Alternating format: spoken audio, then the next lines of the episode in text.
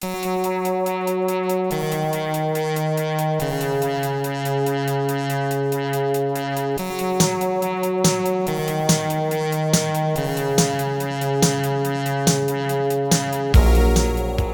to First Draft with me, Sarah Enni. Today I'm talking to Amie Kaufman, New York Times best-selling co-author of the Illuminae series with Jay Kristoff.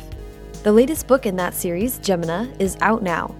She also co-wrote the best-selling Starbound trilogy with Meagan Spooner, who has also been a guest on this here pod.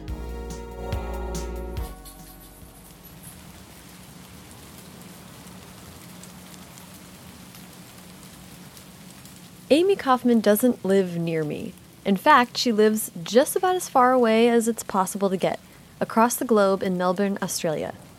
Given that we spend so much time in different longitudes and time zones, I was so happy Amie was able to make time to sit down with me this summer while she and Jay were touring to support the Illuminae books. It was the weekend of Book Expo America, which this last year was held in Chicago. Amie had been on the road for weeks already and was fresh off a full day at the conference. So we sat and relaxed in her hotel room while having midday snacks and while another author dozed at the foot of the bed. It was kind of like one of those conversations that you have at summer camp or during a long car ride. That is to say, it was great, and Amie is great, and I can't wait to share our talk. So grab a plush hotel bathrobe, order up some room service, and enjoy the conversation. All right. Hi, how are you? I'm good. Good. It's so nice to meet you and be able to chat with you. Yes, it's seriously. I've been listening for such a long time, so Ah, it feels so like I've stepped inside a book or something. I'm Yay! excited. This is so fun. As you know, I like to start these all with uh, where were you born and raised? So I was born in Melbourne, uh, but my mum is Irish. Ah. So I was, I would say I was raised in Australia, but we would go back to Ireland a lot. Oh, really? Because, well, I don't think it's the case these days, but when I was little, it was cheaper to get kids under 12 on the plane. Oh. So my mum was like, we're getting the most out of this before they get too old. So we would go back to Ireland, not on holiday, but just like go and stay with family. And I kind of lost a lot of summers that way because we'd leave the Australian summer in our holidays, Oh yeah. go over, get the Irish winter, and like Irish winter is everything that you imagine it to be. Yeah. And we would just stay inside and play, and, and that oh, was life. That's really interesting. Yeah. Did that would that mess with your like the, how you remember like the years and stuff? Because switching seasons like that is tricky. A little bit, I think. I mean, I'm really bad at time, like famously bad at time anyway. I will tell people without hesitation, oh yeah, it was like a month ago. And they're like, it was last year, honey. but I, I mean it when I say it, and that's Yeah. where it goes wrong, is that I Yeah. speak with conviction. And it's, and it's not true. Um, and so obviously you must have a big affinity for like Irish like folklore. Like Yeah, very much. I mean, at, at university, I majored in Irish history. Um, there you go. I wrote about uh, Irish women's migration to the US, uh, New Zealand, and Australia, 1870 to 1914. Wow. Um, we could do a whole podcast about that. It's actually this amazing, cool story about female education and agency. And wow. but yeah, so I did. I studied Irish history, um, and I put a bunch of it into my second book, The Shattered World. It's a, a colony settled mostly by Irish colonists. So I got to like retell a few stories and learn a few Oh, names. That's so neat. I like when uh, it's like you wouldn't have thought that would fa factor into your spaceship story, but No, no, it's not something you'd imagine you'd find in space. Right. But there's this cool thing, right, where when people migrate to a new country, usually the children will say, oh, we're from wherever they came from. Right, right, right. But the grandchildren will not. right. But with the Irish, it averages six generations before they start saying not Irish. Really? Like everyone knows, you know, the stereotype of, of like the Boston cop who's like, yeah, we're Irish. And it's like literally no one in many generations of your family has set foot in Ireland. Right. But that's, it's a thing that the Irish do. So we thought, you know, the hell with it. They're going to hold on to who they are as well in the future in this, Yeah. in this colony. Well, and that's so interesting because you are ha like struggling to call yourself Australian, kind of like. Yeah, well, I mean, I have two passports. Wow. So. I consider myself Irish and Australian. so let's build up to the to school and everything. Um, because I'd love to know when you were younger, how, when how writing and reading kind of factored in for you. I, I don't know that I I know people who felt they were going to be writers. Mm-hmm. I wrote a lot, but I did not know that one could be a writer. I, did, I think I don't know where I thought books came from, and I mm-hmm. think if I thought anything, I thought authors were dead. Others were in dead. yeah, you know, well they, they had written books in the past, and now we had them, but I don't think I understood that they were out there, you know, mm-hmm. putting their socks on in the morning and you know the rest of it. Yeah. So, at the end, but my primary school librarian, Mrs. Amy, used to expose us to heaps of authors, and so I slowly began to realise that oh, that's where the books come from. And um, I read constantly. I, you know, my teachers used to lend me books, and they were amazing. Good behaviour, I got a book. Sick Aw. day, I got a book. You know, That's I was awesome. that kid reading under the covers with the well, we say torch, not flashlight, but Yeah. constantly. So Yeah. I loved it, and I used to tell my friends stories all the time. Mm-hmm. I was. Uh, I was the one directing the games in the playground, you Yeah. know, telling everyone what their parts would be and what the narrative would be, and I was that too. And then I remember I have a vivid, vivid memory of my mom at one point like listening in on a play session with me and my friend, and they, we were playing with my dolls, and I was like like directing the story, right? Oh, yeah. And she was later she was like, Sarah, um, when you play, when you and Marie play, you should like be less bossy. how can I say this in a way you'll understand? Yeah, I was like, ugh. So I remember like the next day being like, well, what if they did this next? I was like trying to be less bossy, but I was think? still like, but this is what needs to happen. Oh, I know. Well, I mean, for me, it was also partly a cover because as much as I had the gift of the gab, I was equally uncoordinated. Oh. Like, really, like from age five, I was that kid who was picked last for sporting teams and with good reason. and I was not very good at being bad at things. And I think if I had maybe made more of an effort to catch up early, maybe I would have caught up. Mm-hmm. But I hated being bad at it and being seen to be bad at it, so I didn't do it. Right. And so I had to take charge to protect myself. So, you know, I'd be like, well, you know, I'm going to judge the handstand competition. I'll tell you guys who's best. And of course, as judge, it would not be fair if I were to participate in the handstand competition. So I would I would kind of both insert myself into leadership and also protect myself at the same time. Mm-hmm. And I think outwardly it completely just looked like confidence, but there was a bit of calculation. Yeah. Oh, that's so funny how like what a clever way to like sort of make up for inadequacies. I know, right? Turn your weakness into a strength. Yeah. Amie. Kaufman, age five. What what kind of stuff were you reading? Uh, I read a lot of a uh, British author called Enid Blyton. In, in Australia and, and the UK, everybody grows up reading dozens of her books. And then I Uh-huh. came here and it was inconceivable to me. It's it's like a whole country, I, I think the equivalent would be a whole country like not knowing about the Boxcar Children or Wow. something.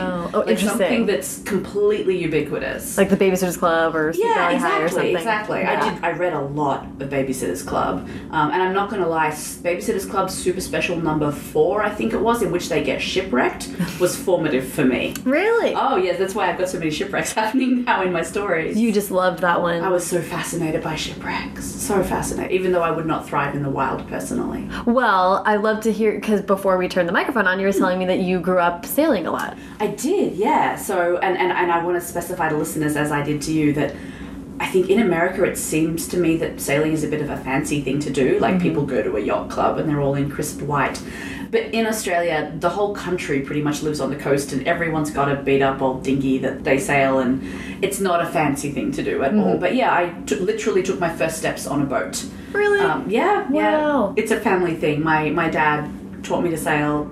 I think I got my first boat when I was probably seven. Wow. And and I still remember the actual moment that I learned to sail. That it had all been explained to me how to do it. Yeah. And they kept just pushing me out in the boat. And I would not understand and get blown back in or tip over, and I was like, "This is zero fun. What is happening?" And then this one day, I can picture so crisply where I, you know, where I was and what I was wearing and what I was doing, and I got it. I, I suddenly understood how to steer the boat and how to arrange the sails so that the boat would go or stop when I wanted it to wow. and they couldn't get me back. I was out there for hours, just back and forth and back and forth, Aw. with people yelling on the beach, being like, "No, really," and me being like, "Nope, nope, I'm gone now." Oh, it's like that moment where you where you get the bike, where you get the balance. Yeah, and it takes off, and you're like, the whole the world opens up suddenly. Yeah. It really does. I, I was doing an event a little while ago, and someone asked us what our favorite sound in the world was, which I thought was a really cool question. Yeah. and but my answer was really obscure and it was so it probably didn't mean much to most people in the audience. But it was, you know, when a boat, or maybe you don't actually, Yeah. when a boat starts to speed up, this at there's this point at which there's this sort of whoosh whoosh noise that starts up under the the hull suddenly mm-hmm. as you just hit a certain pace. And to me, that's like the we're going now. Like it's like the moment the bike starts freewheeling. It's you know, That is so wonderful. it is peace and freedom and wonder. That, So- that moment. Yeah. So there's obviously a lot of like really, really strong feeling tied to Yeah, it's very big part of my identity. and being alone on a boat, or do you like Oh, I, no, I love sailing with people as well. But it was again, it was interesting growing up. I didn't like to compete.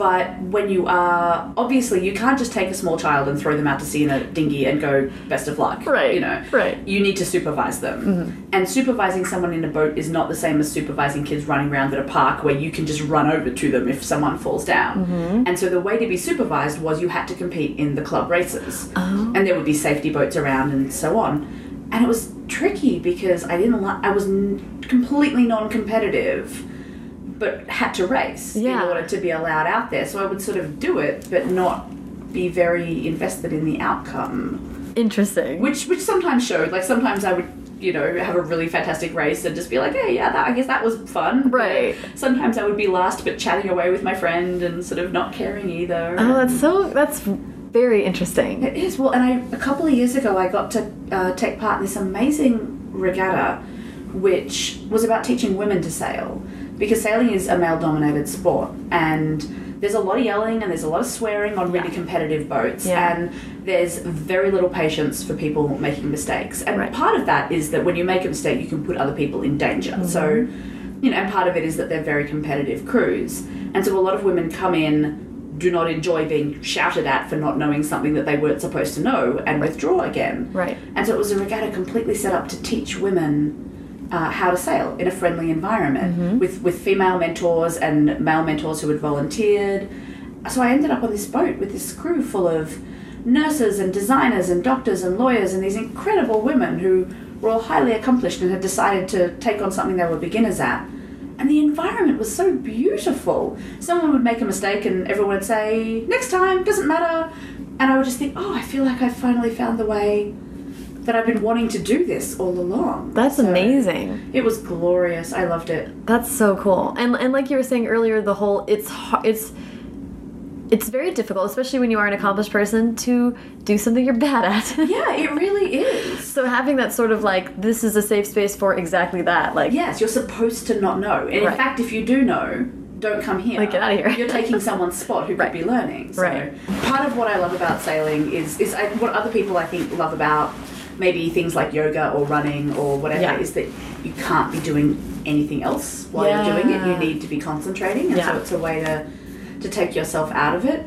But there is also this kind of joy of there's this huge environment that you can go out into, and you control where you go, and you control what you do, mm-hmm. and you know no traffic lanes on the no, high no, seas. No, no traffic lanes, no signs, no anything. Just, you know, you want to turn that way, go that way. Yeah. And I mean, you know, I get car sick, so there is no space travel in my future.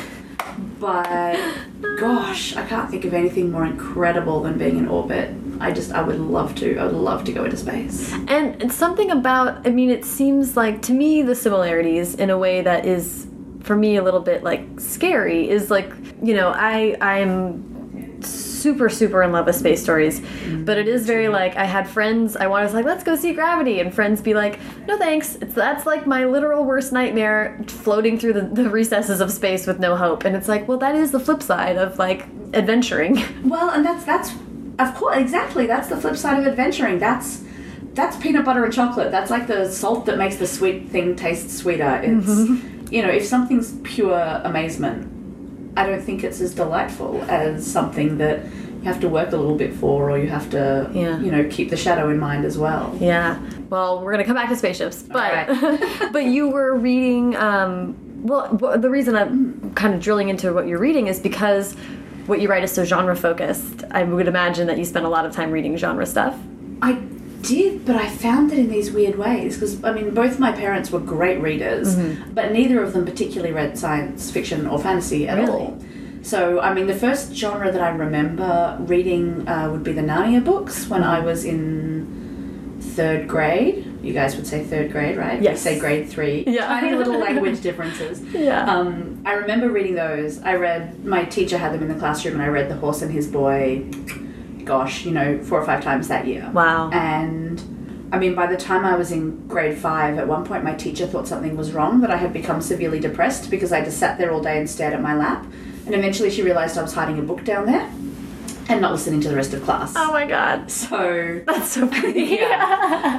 um, but I sort of so I I was just drawn toward yeah science fiction and fantasy and but particularly I was reading fantasy because uh, there wasn't really science fiction for younger kids at that time. Right. I'm sure it existed, but not Yeah. in great volume, and I didn't find it. But when I was 11, my dad gave me 20,000 Leagues Under the Sea by Jules Verne. And I had spent all these years wanting so badly to go inside my fantasy books, you know, wanting to go and live in that world, wanting to have magic and Yeah. to have these adventures. But I knew kind of in my heart of hearts that no matter how hard I imagined it, I, there, I wasn't going to find a portal like they did in these books. It wasn't going to happen. But when I read 20,000 Leagues Under the Sea, I think what spoke to me in it, apart from that I loved that it was at sea because I was a little sailor, but was that it was all technically possible. There was just, it was science fiction. There was no magic in that book, and given the right set of circumstances, I could have that adventure. And I mean, like he gave it to me on Christmas Day, and I didn't surface, no pun intended, until the 27th Wow. and like everything had changed when I when I came back out again, and so I started finding this science fiction by myself, like buying books at secondhand stores for you know ten and twenty cents, and mm-hmm. and so I've still got this big shelf full of just random books from from random series. That's awesome. But yeah, I sort of moved more and more, and then I found Anne McCaffrey when I was about fourteen, and that was the end of that. Uh, and that's the Dances with Dragons, or is that? I know she wrote uh, the Dragon Riders of Pern series, Right. and she wrote the Tower and the Hive series. I mean, she was the first woman to ever hit the New York Times bestseller list with a science fiction book. Wow. She was the first woman to be named a Grand Master, which is you know the highest honor that you can receive. Wow. She won Hugo's and Nebulas and and you name it. Now I come back as an adult to look at some of those books. I'm like, okay, some of this stuff is problematic in ways I didn't spot at 15. Right. Right. But some of it was also ahead of its time as well. So you know there was there was both, and reading her stuff was, I mean, that was not just how I completely and hopelessly fell into science fiction and into space stories Yeah. her Tower and the Hive series. It was also how I met uh, Meg, my co-author. It was how I started writing like my own stuff seriously. It was everything. I love how you put that. That like sort of. I agree with what you're saying. I remember reading Harry Potter for the first time in college and being like, "Oh, I'm so glad this didn't exist when I was 11 because I would have, I would have been despondent to Yeah. not get a Hogwarts letter. Mm-hmm. I mean, just it's so tra- like I've I've spent a lot of time being just tragically upset that like these fantasy worlds were not real. real, and I wanted them to be so badly. Yeah. I was in New Zealand recently, and we got to go to Hobbiton, the set of The Hobbit. And I had grown up with the Alan Lee illustrated version of The Hobbit. Yes. So it was literally, and you know, he did the set, so it's mm-hmm. literally like stepping inside one of my books. And I was just beside myself the whole time. I was nearly in tears, and that's Yeah. not something I do. I'm not a crier at mm. all, but I was so emotional about it Yeah. And I just every little every little detail, like nothing was too was beneath my notice. I couldn't. Oh, it was wonderful. And now you can have a drink under the tree, right? Oh, we got to go to the Green Dragon at the end, and oh my. But I love what you're saying about science fiction being sort of. Lately, I've been talking to a lot of people who write books where where the fantastic is married more closely to the possible or the real. In that context, it feels like you know spec fiction and stuff like that is like sort of just being a time traveler in our world. Like Illuminae takes place 500 years in the future. It does. And it's like, so this isn't as fantastical. It's rooted in like what would be possible. Yeah. Well, and, and you spend a lot of time trying to imagine what's going to happen. Yeah. But I think when you look at, I think the science fiction that I think you know lasts and soars and leaves a legacy. Yeah. Um, and I don't just mean books. When you look at something like Star Trek: The Next Generation, for instance, which I'm massively into, and if anyone's listening and they're going to try it, stick it through the first season. They learn to act in the second season, I promise. Um, but it asks really big questions and questions that are very hard for us to think about now because you know human nature is to become defensive when there's a suggestion that perhaps we're not doing something as well as we could Right. and all of us are not doing things as well as we could i think there have been conversations in the young adult community over the last few years about privilege that have been enormously illuminating and not always easy mm-hmm. it's it's very easy to sympathize with things it's a little harder when you realize oh i'm doing that and i didn't know Right. and now I have to do something about it Right. because I do know. Right. And doing something is going to take energy, and that's hard. Not as much energy energy as it takes to not have the privilege in the first place. Right. And so you get on with it. Right. But I think if you can set aside the resistance and the barrier that people have to thinking about something now mm-hmm. by projecting it to the future, it allows them to consider the problem more objectively. So whether it's, you know, wow, I can't believe that race of green people are treating that race of blue people in that way. Mm-hmm. Or, you know, I mean, they ask questions about gender, they ask questions about, you know, all of the big issues that we're tackling today. But they do it in such a way that you don't identify closely with, you know, either party. Right. Um, or, and you certainly don't with the perpetrators, which means you're able to judge them more objective. Re- In really good science fiction, what you want to do is go into the future, have those experiences, but then bring the questions that it raises in your mind back to the present day and ask about society today. Yeah. And okay, if that's what I've seen in the future, how is that happening now? Yeah. Yeah. So, I mean, you know, I think we all have themes we write to, and one of mine is the power of corporations. Ah. Um, and which is not something I intentionally did at all. It's just that when I looked back, I'm like, oh, look at that! I keep discussing that thing, but Mm-hmm. I don't know. Again, like I'm yet to find a way to express this in a 30 second soundbite. I've been trying for No, no, years no. now, um, but the, it defies that, and I think it defies that because it's incredibly complicated. Yeah. and but I think the crux of it is. If we can take issues we have today and view them through the lens of projecting them into the future and putting them, and one of the things that going into space does is it puts them on a larger scale Mm-hmm. as well, then we can. You shouldn't come out of a book with lessons. You should come out of a book with questions and then answer them yourself, I believe. So, you, you know if you're being preached to, you know? I mean, no one likes a book where they're clearly, they, Yeah. there's a moral to the story here, and if you don't agree with it, that's a judgment on you. I think that really good question books raise lots of questions. And- Yeah, but I've been I have been talking to a bunch of people who write fantasy and sci-fi recently, and um, and asking that question about whether like whether people are trying like setting out with not an agenda but with an explicit interest in using fantasy and sci-fi worlds to like like you're exactly what you're saying they are better able to mirror our current world because they are so kind of abstractions and exaggerations of what's like currently Yeah. real I mean, I think I set out to do two things. And the first thing I set out to do unashamedly is tell a really fun story. yeah I'm not just in it to make great moral points.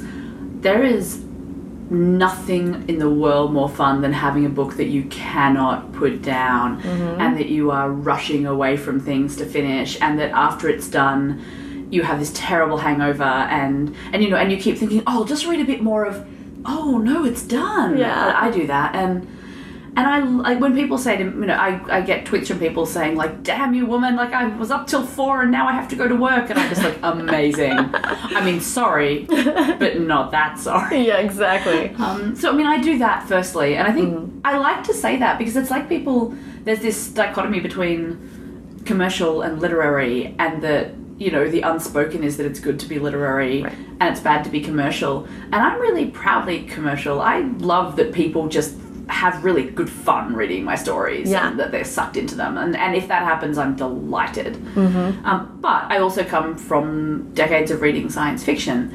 And so that means I also can't help asking questions. But I try very hard not to deliver answers. I try very hard to ask questions and open up that question for discussion as wide as we can. Mm-hmm. And then let people go forth and talk to their friends about it or think about it themselves or not think about it themselves. Mm-hmm. But I think it is not particularly powerful if I give you both the question and the answer. And I don't always know the answer. right I write books about questions I'm wondering about. I often don't know I'm doing it at the time, and then when I look back, I'm like, oh, yeah, I see, I see what happened there. But yeah we're working on Illuminae Book 3 at the moment, and I'm not going to give any spoilers at all, but I wrote a scene in which many characters, uh, most of whom readers haven't met yet, come into conflict, and everybody's right and everybody's wrong, including the characters that we would think of as our heroes. And I worked very hard at that moral ambiguity. And, and when I sent it off to Jay, I was really nervous that it was just going to come across as a mush with without enough definition about what was happening. And he and so when he came back and, and I didn't tell him what I was trying to do. And when he came back and he said, "Oh my God, everyone's right and everyone's wrong," I was like, "Yes!" Laps of the house, high fiving the dog. uh, you know, it's but that's kind of what I want to do. Is I guess um, I worked for many years as a mediator before I wrote, and that was the lesson I learned in that situation. Everybody's right and everybody's wrong. In thousands of conflicts, I never once encountered one where someone was completely right and someone was completely wrong. There was mm-hmm. always more to the story. Yeah. And so if there's one message that I do know that I want to deliver, it is usually that things are more complicated than they seem. Yeah. Embrace nuance. Yeah. Shades of grey, you know. Yes, yes. Live a human More life. than a book. Yeah, right. Well, and I was going to ask if you've ever explicitly changed plot points or endings because you're like, I don't want to wrap things up into neat a bow. I've changed endings because I tend to rush endings. Oh, because when I'm drafting, I get to the point where I'm just like, I can see the finish line, and then I just lunge for it. And and my editors, who are used to me now, will come back and say, you know, you're missing about three chapters there, and I'll be like, yeah, I know, but I've had a rest by the time they come back to me, so I'm ready to do it. Mm-hmm. But I, I like endings that don't wrap things up neatly. Yeah. I mean, I I think it's unfair on a reader who has invested time and, and effort to not give them some kind of mm-hmm. conclusion. But I sort of I like the endings that almost like you know it all wraps up and then the camera pans away and you see a little door opening or something and Yeah. you're like oh the next adventure awaits. Yes, that's awesome. Ooh, okay. Um, well, let's. I want to get to to what brought you to writing and reaching out um, and meeting Meg and stuff like that. So when did that all begin? Uh, so I met Meg in, we worked this out actually. I met her in October 2005. Okay. So I met her because I was playing these games online. So when I was, mm, let me say, 16, I went to Alta Vista, which was the search engine of the day. There was no Google yet. Yeah. Um, and I typed uh, the word Pern in, which was the world that Anne McCaffrey's dragons were set in. And I found these games online that I had never heard of before, where you log into what's like a chat room, and it was collaborative fan fiction. So everyone takes their own character and writes like a paragraph. So, like, I say, my you know, I mean, it's most basic form. Like my character walks in and and sits down and prepares to chat to you. Mm-hmm. Your character walks in and this is the question that they ask, mm-hmm. and you set it in someone else's world, just like fan fiction. Mm-hmm. And everyone sort of has agreed upon roles. So, you know, with for instance, within her um her world, there were hierarchies and ranks and so on. So everyone would would take one of these different parts mm-hmm. and then you just play your parts and see where it goes That's so and interesting. sometimes the characters all sit around and drink coffee and talk, and sometimes you know the world gets changed. Yeah. Um, and I and I played these games from 1997 when I found them onwards, and it turned out I was taking a writing masterclass that I had no idea because mm-hmm. you had to learn how to establish character quickly. You had to learn how to keep plot moving. You had to mm-hmm. learn, you know, how with an economy of phrasing to establish all kinds of things. And so, you know, I had a blast playing them, and I met Meg on one of those games. And you know, when you're about five in kindergarten or something, and you, you and you're not very good at making friends yet, so you meet people, and you're like, "Hi," and, you know, "Hi," and like, "Let's be friends." Okay. Mm-hmm. Um, that was how we made friends. Within minutes of talking to each other, we were both.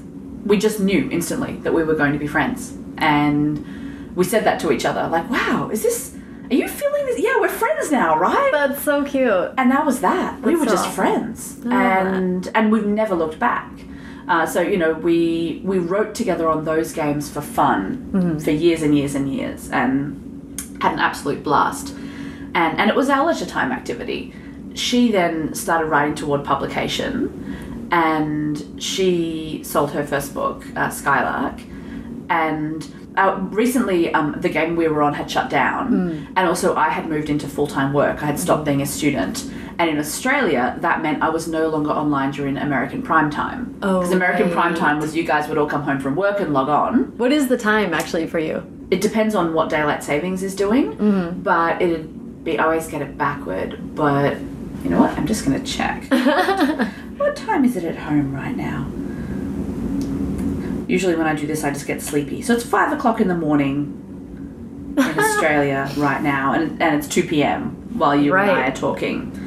So you can imagine in, say, another five hours, it hits 7 p.m. here, Mm-hmm. and you know, everyone gets home from work and logs on to play this game. It's about 10 a.m. in Australia. Interesting. Mm-hmm. When I was a university student, no problem. Then I got a full time job.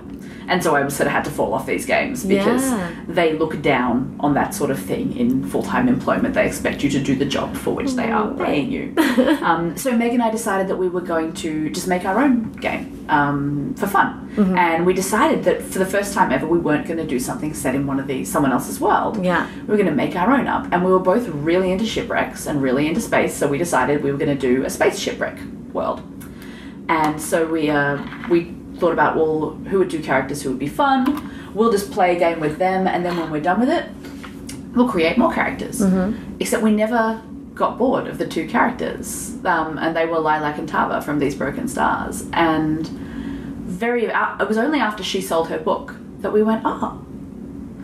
Maybe we could do something with this other one. Like we genuinely hadn't ever thought of anyone wanting to read our stuff, and so in we went and you know we sort of started turning it into to something and and showed it to her agent and next thing I had an agent. So it was a very non-traditional path. I didn't mm-hmm. do the thing where you write 10 novels and don't get representation. Right. but I I wrote way more than 10 novels over those years of gaming. Yeah. you know I you know I, I wrote my millions of words. I just wasn't doing them to try and get published Yeah, you did the 10,000 hours. um, and, and then some. Yeah. Sometimes to the detriment of other things I should have been doing at the time. You know, and and that story, which is uh, like so similar to Meg's, obviously, but it's just writing because you're passionate about stories and storytelling, Absolutely. and and and you are one example, you know, of a, of a person who then goes on to figure out how to make it a profession, but. But for so many people, and it's not even, it doesn't need to even. It doesn't need to be, and this is a thing that drives me nuts, and I get really passionate about. Is that if someone tells you that they play the guitar mm-hmm. or that they paint, Right.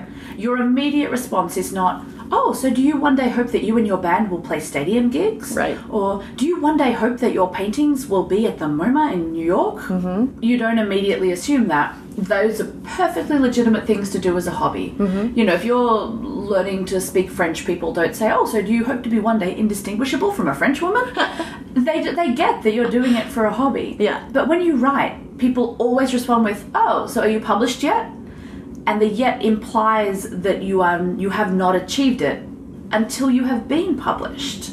It's this subtle put down that That's comes so interesting. with writing as a hobby, and it makes me so mad mm-hmm. because if you write, you're a writer, mm-hmm. and if you write for yourself or your cat or your friends, mm-hmm. or you write for publication, it doesn't matter. You're telling stories, and you know, I mean, the joy should be in it above all else. Yeah. and it doesn't matter whether you're sharing the joy or not. It doesn't. it, it makes me really happy that to witness all of these ways in which human beings cherish story above almost anything else in the world. Yeah. Like every almost everything that we do is a way to communicate and tell stories to one another. We do. I mean, Hank Green did a really amazing Vlogbrothers video about this. I think it was called something like "What Makes Us Human," mm. and it and he said it, it is our storytelling that distinguishes us. It is. It's- and I totally believe that. Certainly, the Irish heart part of my heritage is, you know, we're so into story. It's the mm-hmm. thing that we do, and telling stories is is wonderful and to be cherished. And it just frustrates me so much when people are made to feel that their story is not worthy Right. because it is not published or because it is fan fiction Right. or because it doesn't fit some form that's just not right Right. Yeah. i mean there are again i guess it's the mediator in me who says there are very few absolutes in life and there's always shades of grey but people who make people feel like their art is not legit they are just wrong mm-hmm. and it really gets up my nose Yeah. I'm going to try to not ask you questions that you've answered 100,000 times about this. No. But of course, I want to talk about collaborative writing. yeah sure Um, it strikes me that this is how you came about it because, as you said before, you are not a competitive person. No. So it seems like you are sort of ideally suited to not being Yeah. precious about. I'm ideally suited to it in a lot of ways because it's funny when I talk to other writers about it. Um, the number one response is, "I could never." Right. I couldn't, and, and they they physically draw back when they say it, Mm-hmm. and they're admiring that we do it. They're not horrified at the concept, but Right. they're horrified at the idea of trying it themselves. Mm-hmm. But I think it's funny. I hadn't thought about it in those terms, but you're right. Like I'm not competitive, and so there's that. Mm-hmm. I also think that makes me a happier writer and publishing person in general Yeah. um, but also that I, I came up through this this world of you know these role playing games and these fan fiction games where it was the unexpected thing that someone else would throw in that would make the scene so fun. So you would so I had that. I also learned very much as a mediator that anytime you imposed a solution on the parties who were in conflict, it would tend.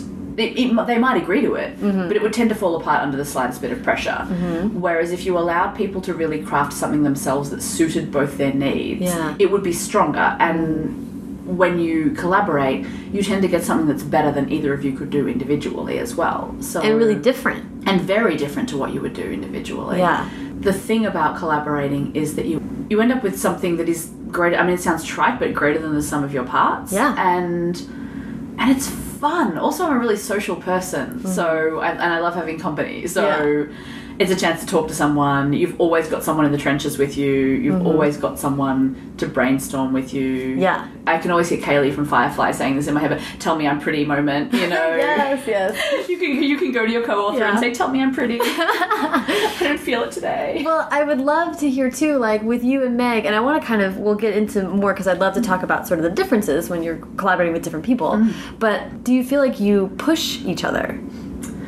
Uh, no, I would say we try to impress each other. Hmm. I think because you we're both very open to the fact that some days you're not feeling it. Some days you sit down, you make a legitimate effort to write a chapter, like not a procrastinating effort. You just you try, and it doesn't show up. Yeah. And you know, there's a point at which you've got to be like, all right, you know what? I'm going to answer my emails today. That didn't happen. Yeah. And so we never, and neither of us respond well to that pressure. Mm. Neither of us respond well to guilt. Yeah, We're yeah. more likely to not do the thing mm-hmm. than, than, so we tend to kind of support each other and try to impress each other. But we definitely, I think, both right for that moment when we hand something over and the other one goes, oh, right in the feels. Like, I can't believe you did that. Or, Yeah. you know. So. Well, and that's feeding so much of the entertainment for entertainment's sake. yeah. Is like, if you're gonna spend this much time doing something. Yeah, and well, and you can't send someone across a chapter that's just like, well, this chapter's exposition. Enjoy. You know, there's got to be something Right. in there that you know is going to please the other person. right, right. And you know, you write with people whose writing you adore, Mm-hmm. and like with both Meg and Jay, I just think they're so talented and they're good at things I'm not good at. Mm. And although it took, I think, a little bit of mental adjustment, I'm now comfortable saying there are things I'm good at that Right, you know right. that they love that I do. Yeah. So it's also about you know exercising your particular talents Mm-hmm. in a way that you know is going to hit the other person. What what's what I'd love to hear a little bit about is that with Meg, you're you are establishing and maintaining this relationship sort of at a distance, Mm-hmm. and then with Jay, he's like kind of your neighbor. He's like in the same town. Yes. Um, what's that been like?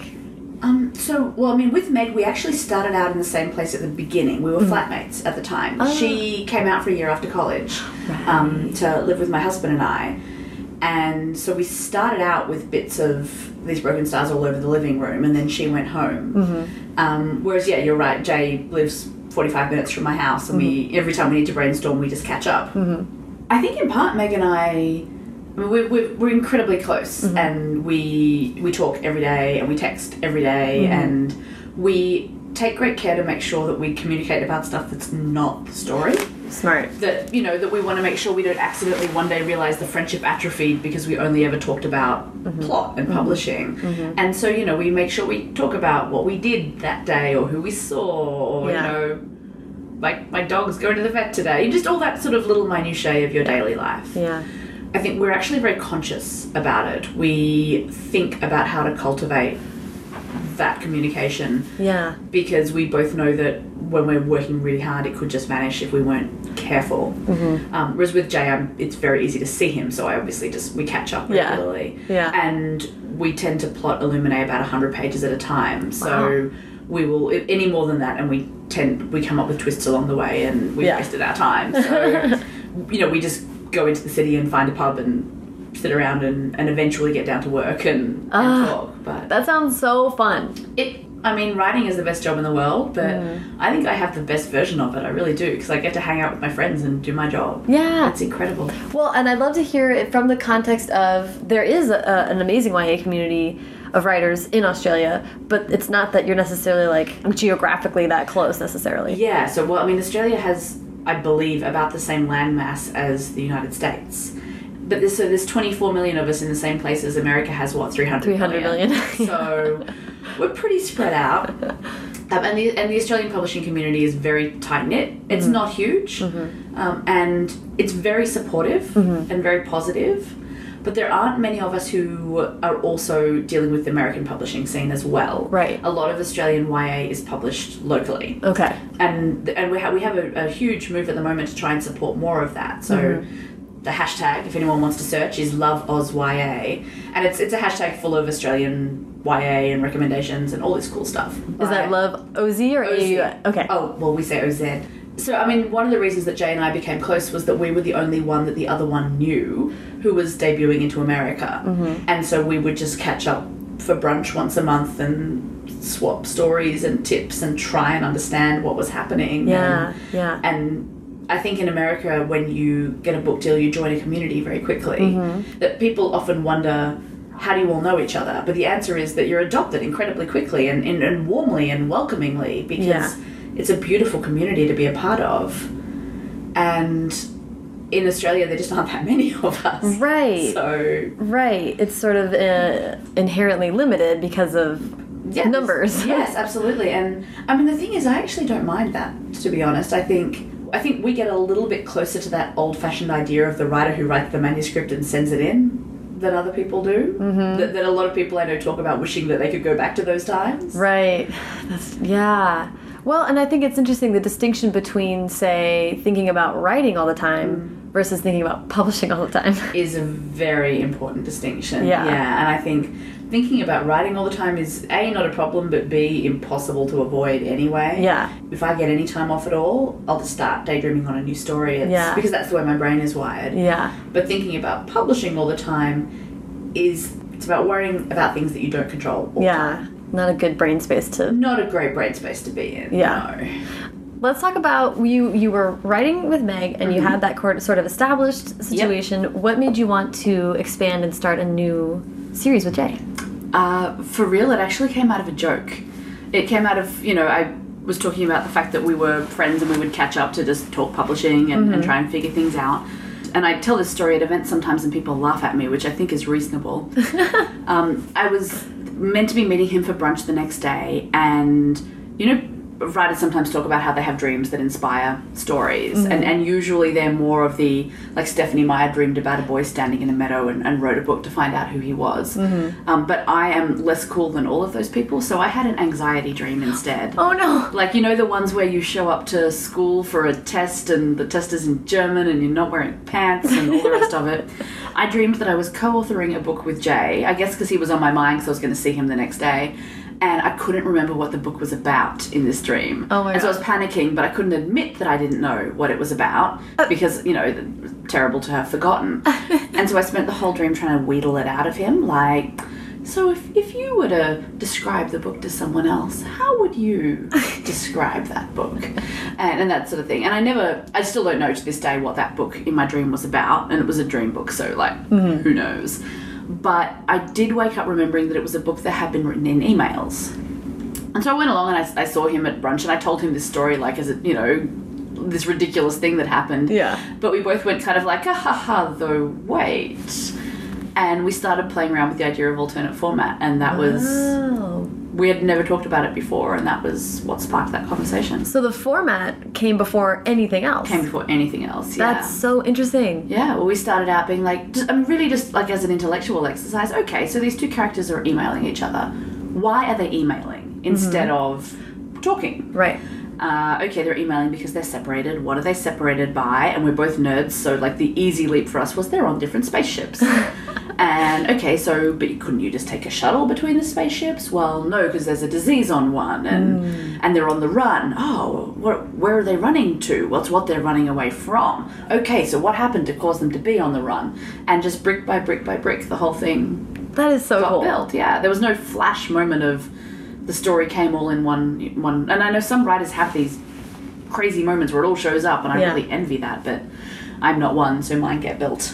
No, but I think I think particularly when you're working with mm. someone that You need to build piece by piece together and mm-hmm. take it in turns to put bricks down. So yeah, it just it started as a laugh, and then the alternate format grew. So it was very quickly not just email, but instant message and security reports, and then mm-hmm. one of the narrators is an artificial intelligence, mm-hmm. and it has taken some damage at the start of the book. So the way it narrates becomes increasingly strange as it tries and fails to compensate for the damage. yeah. And so that really freed up a whole lot of word art that we could do and that sort of thing. And then we fairly quickly just decided the book was way too weird for anyone to want to publish. Really? And that it would be too unusual and too hard to explain, and that production costs would be too high and mm. practical stuff like that. And so we just wrote a sample for fun, for playtime, for, you know, I mean, I've spoken a lot about how writing is playtime, and mm-hmm. that's what it was. No one was more surprised than us when it actually sold. That's amazing. Yeah. I think that's so so cool. The thing that's been like popping up for me lately is this the brainstorming process and like mm-hmm. when you're doing st something like that. It first of all is super fun. Yes. And, and it's it makes you at least I can't speak for anyone else, but for me. Oh, there's a lot of shorthand when I'm making my own outline. It's like, yeah, yeah, but and then this happens, and then this, this, and this, and then when you get into it, you're like, oh crap, like none of this makes sense. Oh, there's always a point in my outlines where I write shenanigans ensue. yeah. That's literally what I write. And later I'm like, oh, past Amie, why would you do that? Why?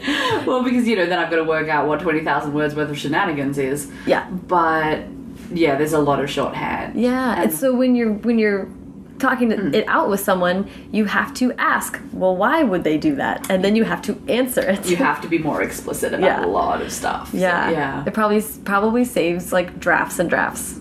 Yeah, it does, and also the fact I think that we edit each other as we go along and, mm-hmm. and revise as we go along, so it's pretty clean by the time we're done. Yeah, So I mean, it's so not cool. perfect, but it's cleaner than it is when you write on your own. That's yeah, for sure. yeah. And how was the format ever? Did you ever? Was there gnashing of teeth? Why did we do this thing?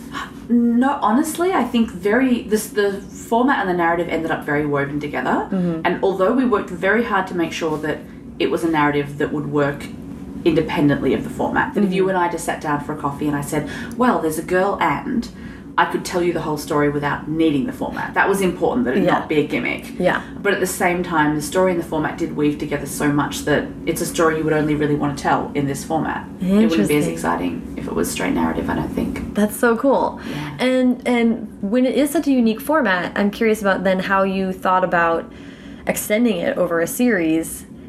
Did you think about switching it up and going a different way for another book, or did you always know you wanted to c- continue with that? we knew that it was going to be alternate format, but mm-hmm. we definitely wanted to introduce new types of documents and, and Yeah. new stuff along the way. And so, you know, we did that with the one of the characters, Hannah, keeps a visual journal because that's she thinks with her pen. You know, she mm-hmm. draws pictures when she's processing, and so we wanted to have her visual journal in there, and we were trying to think about who it is that we could we wanted it to, we wanted to have a female illustrator and Right. we were trying to think about how to describe the style to our publisher so they could start the hunt. And um, our friend Marie Lu you know author of the young elites and, and legend and, and wonderful wonderful books um, is also an incredibly talented artist. And she had been posting some of her work on instagram recently and we were sort of saying to each other it's it's a, sort of like a Marie Lu style you know? And then there came this moment when we went what if it was a Marie Lu style? And then we went, well, we could never get that. And, you know, she's a very dear friend of mine, so I thought, you know, I'll just ask. I'll ask in such a way that she can very easily say no. Right. And so I loaded it up with, I, I know you're very busy, and I'm, I'm sure that there are a thousand things that would get in the way, but I didn't want you to wonder later why I didn't ask. And so, so many layers, so Yeah, many yeah, yeah. you know, but, but would you perhaps? And she went, oh, I would love to. And Oh so yeah, and so that's that's how that came. And so then we went to our publisher and said, you know, we'd like it to be in a Marie Lu style, and we'd- we'd, like it specifically to be by Marie Lu. And they thought that was an amazing. Like they were in instantly. Of course, So- that's amazing. yeah. So so that's how Marie came to to do the illustrations in the book. That is so cool. Um, and I mean, there are other new journal, new document formats as well. But I mean, that's easily my favorite new Yeah. new document because she's so talented. It seems like, and that's like, I feel like that's a really brave choice to you. You guys are really having fun with.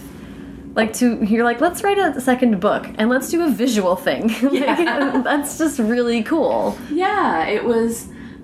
I mean, we we were talking before about like all the fan fiction writing and everything else I used to do, and and uh, one of the characters I used to write um, used to keep a, a diary like that because he was dyslexic and but an incredibly talented artist, Mm-hmm. and so instead of keeping a journal because that writing in that frustrated him, he would Yeah. illustrate it instead. Yeah. and so I sort of borrowed that that part of him. Of this, he was an original character I had created for an original setting, and That's so cool. I borrowed that part of him and, and gave Hannah his journal. That is so neat. So Do you seek out stories that need to be told over several books? It just seems to happen to be mm. honest. I think i think in very which is funny because i'm fundamentally a lazy human being. I'm always looking for the quickest easiest way to do things. And i'm that person who looks for the shortcut that ends up taking them 10 times longer and they should have just done it right in the first place. But so you'd think i would come up with with easy short stories but they just seem to sprawl. Mm-hmm. Once i dig into them there's always more in there than i thought. But mm. No, I swear to God, I'm looking. I'm looking so hard for a standalone. It just hasn't happened yet. Do you are there parts about it that I mean I'm because it seems terrifying to me, but it seems also deeply satisfying for people to be able to explore a world like really fully.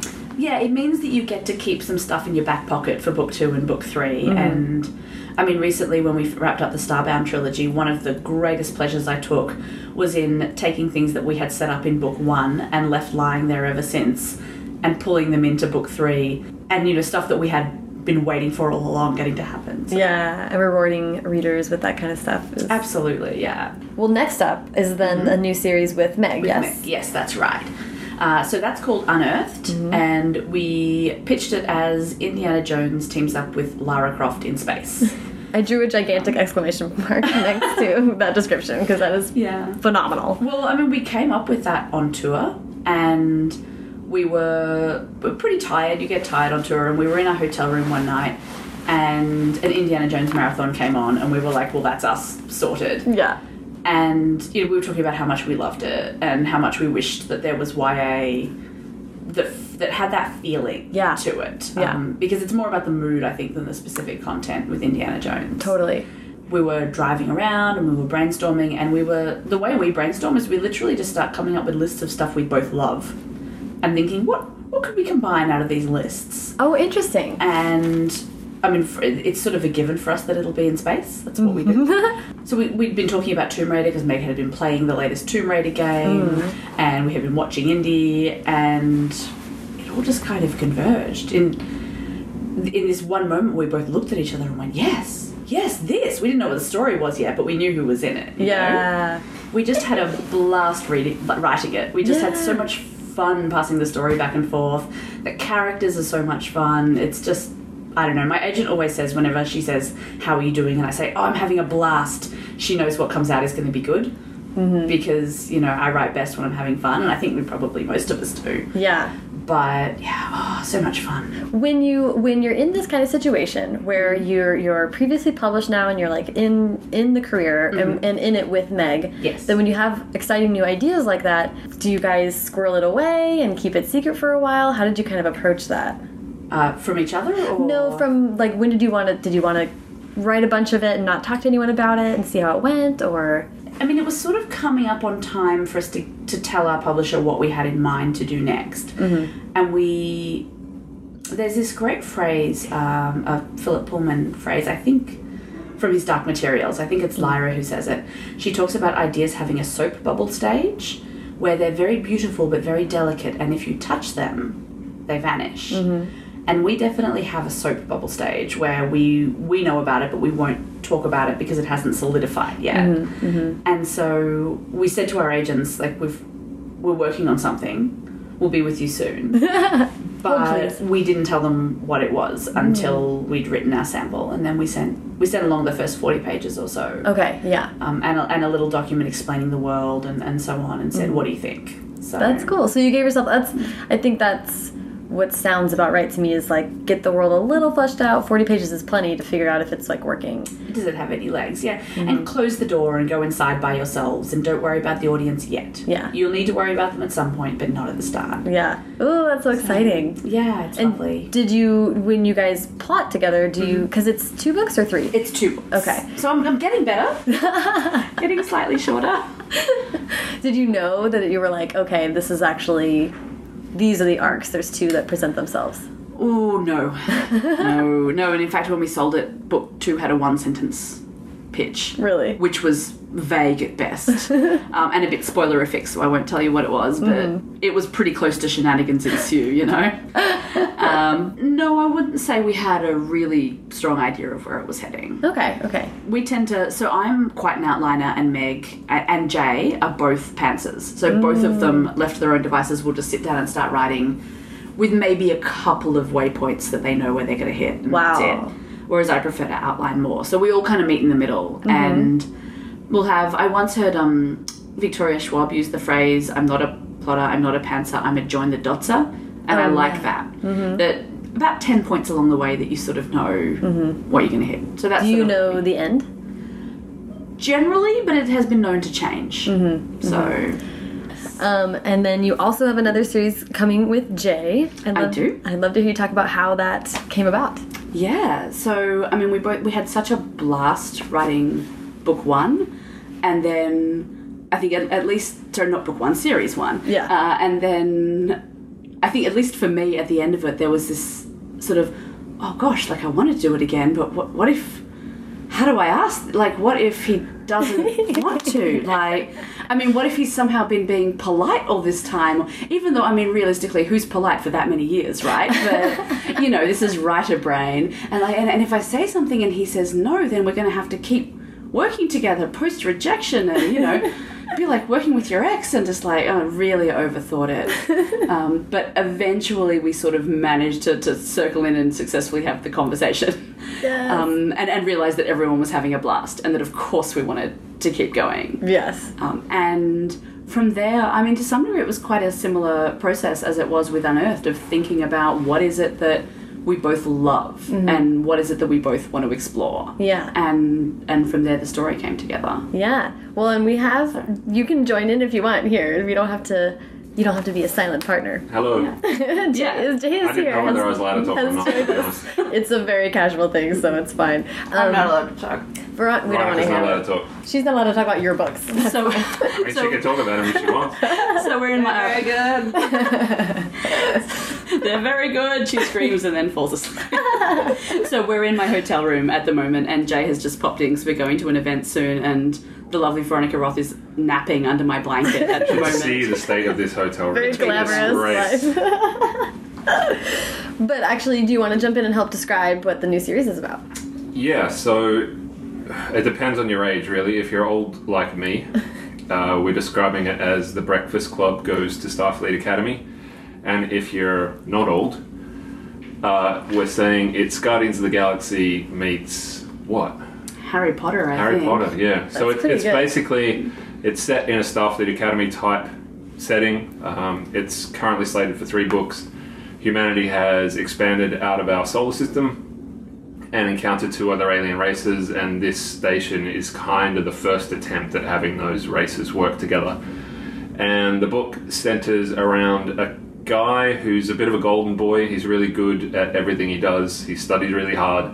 He's on the verge of greatness at this academy, and shenanigans ensue in the first chapter, and he gets stuck with a bunch of losers and misfits and discipline cases on his squad, on his team. yeah so i mean he's supposed to be leading awesome squad and instead he ends up with loser squad And it's also the main female protagonist is a girl out of time. We won't talk too much about her, but she is not supposed to be there literally and figuratively. Ooh. But it's a little different from Illuminae. It's not alt format. Uh, it's first person POV, which is something that I haven't written before in novel form, um, and it's really fun. We're super excited. Yeah. Does it alternate? How does it? Yep. Yeah, it's going to have multiple points of view. Cool.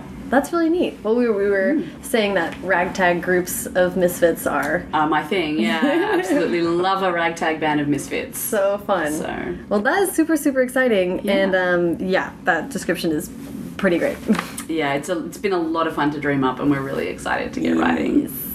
and I really want to talk about the solo project that you're doing, which Yeah. I'm so excited about. How did that, how did you decide to do something on your own? Yeah, so I mean, I think one thing that a lot of YA writers get that they roll their eyes over is people pulling the so are you ever gonna write a book for adults? question. And what they mean is you know you're ever gonna write a proper book? Mm-hmm. Which you know is frustrating for endless reasons i don't need to list. But I used to get as well a lot of so are you ever going to write a solo book? The mm-hmm. strong implication being because you you haven't really done it mm-hmm. until you've written one on your own. And my answer was always sort of, well, if I can ever find something that's going to be as fun as what I'm doing with my collaborators, then maybe, but mm-hmm. it's a pretty high bar. And I mean, I used to write middle grade before I was published. We talked about the idea of, you know, writing for fun and writing as a hobby. And that was what I wrote as a hobby. And I still read a lot of middle grade and I love it. So I had an opportunity to write fantasy. So this is the first time I've left space. I've, I've left orbit and come down to Earth. and, and to write it with my very first ever editor. And it's just, it's, again, it's playtime. It's so much fun. I love it. And and I'd love to hear the, the what's the synopsis of it? Yeah. Not so- the whole synopsis, but what's the pitch? that means a different word thing. on day one. uh, no, so it's. We, I I'm still. The series title is Elementals, and the, the first book uh, doesn't have a title yet, although it, it may by the time this broadcasts. And I'm working out how to describe it, but it is set in a fantasy world where most people are regular people, mm-hmm. but a small number can shapeshift into either wolves or dragons. And the wolves and dragons have been at odds for centuries, mm-hmm. and as of 12 years ago, at war. And it is about a set of twins uh, who, when the age comes for them to be tested for transformation, discover that one of them can transform into a wolf and mm-hmm. one of them can transform into a dragon, which is meant to be impossible. And so the book is is mostly about the boy, uh, who book one anyway, who who turns into the wolf. And the thing that was really interesting for me about it was that he's the non-dominant twin. So he's the one who's always questioning himself. He's not the one who makes the decisions.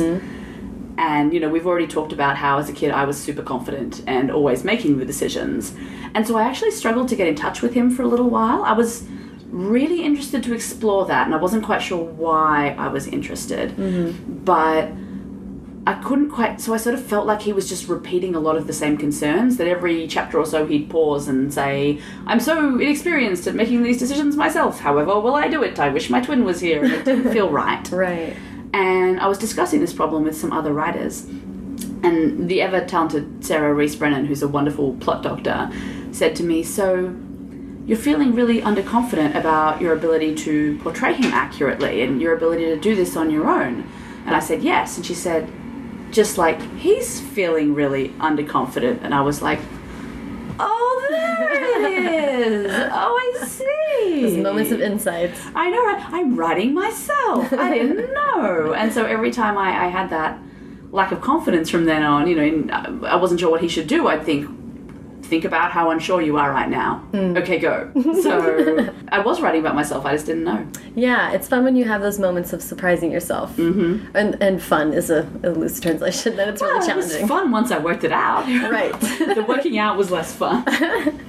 Um, that is amazing. And uh, like I said, really, it's like the next decade of your life is like, oh well, we'll read all about it. yeah, I'm going to be busy. There'll be books. That's that's like amazing. It's really Yeah. really really cool. I'm definitely happiest when I'm busy, though. Yeah, yeah, it's a good place to be. So, as you know, we like to wrap up with uh, advice. Yeah. So, I'd love to hear advice for for new writers and maybe people who are thinking about collaborating.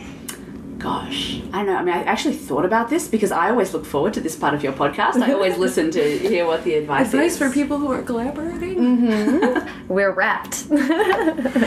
I think my advice for new writers is that I think the best thing you can do is finish. And and embrace that it's not going to be great first time you write it, and that's okay. I mean, every published author out there writes first drafts that don't look like mm. they're finished finished versions, but. I mean, my first ever book I wrote during NaNoWriMo, and, and it was terrible. Like, I mean, that's not me false modesty, it was really bad. But it didn't matter because then I knew that I could finish the thing. Mm-hmm. And once I knew I could finish it once, I knew I could finish it twice.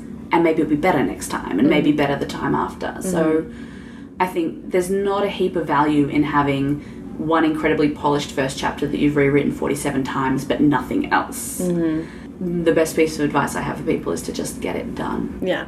And I think my advice for people who collaborate is because people always say, "Oh, you know, what do you what do you do when you fight? What do you do when you disagree?"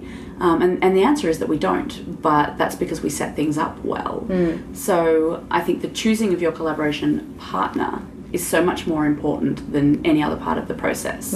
Um, because I've I've heard Jay say before, and I think he nails it that being collaborated being collaborators is like being a married couple in that you need to one you're tied to each other and what one does will affect the other personally and professionally you also need to learn how to be around each other. You need to Right. learn when it's not a good day to put that thing to someone and you need to learn when they need to hear that something worked really well mm-hmm. and you need to pick up on when they're uncertain but they're not necessarily saying it. You need mm-hmm. to you know and i mean i have learned these things about jay and meg and they have learned them about me. Mm-hmm. You need to learn to take care of each other. And if you choose the right person to be to, to you know for your words to get married with then you will find that you have all the tools that you need to do the problem solving. You mm-hmm. have everything that you need to make it work. Because usually, when one of you has one idea and the other has another idea, you're actually not at odds at all. What's happening is you're both trying to achieve something slightly different. Mm-hmm. You know, one wants to write an action scene because they feel that the book has slowed down a little, mm-hmm. and one wants to write an introspective scene because this big thing just happened and we need to check in with the character to find out how that's affecting them. Mm-hmm. And those are both valid points. So you look for, Meg likes to say secret option C, and I like those words. You know, you look for what is it that achieves both of those things. Mm-hmm. Let's think them through. And so, and if you have the framework to have that discussion, if you've worked it out in advance and mm-hmm. you know how to communicate and you, you know, know how to be respectful about it, Yeah. and you care more about each other than about any other part of it, then you won't have a problem with those those disagreements and you'll also have that res- you know we talked a lot before about the idea that you get into writing with someone because you love their writing and you mm-hmm. respect what they do and if you have that respectful relationship you'll remember to never drown out the things that they're talented Yeah. at and the Yeah. things that they do that you couldn't Yeah. so Oh, that's so amazing. Oh, it's so much fun writing together. And, and you know, the other thing I would say, which I talked about, is make sure you have conversations that are outside of publishing with each other. Mm-hmm. Um, and I would, in fact, say that that's probably my number one piece of advice for published writers in general is have friends who are not in publishing. Have friends who, when they say, "How's it going?" are looking for a two sentence answer and then they want to move on and talk about something else because ri- it's very easy for writers to only talk about writing and publishing and i don't think it's super healthy i think the perspective check that comes from other people is great and i think with your co-author if you actually just enjoy talking to each other about other stuff outside of writing it again strengthens that relationship so it's there when you're both tired or Yeah. you need it or something's hard Yeah, that's huge. Yeah. Well, dude, thank you so much. This was a blast. oh seriously thank you for Yay. interviewing me You're the best. We'll, we'll do it again in uh, in Australia. can't wait Yes.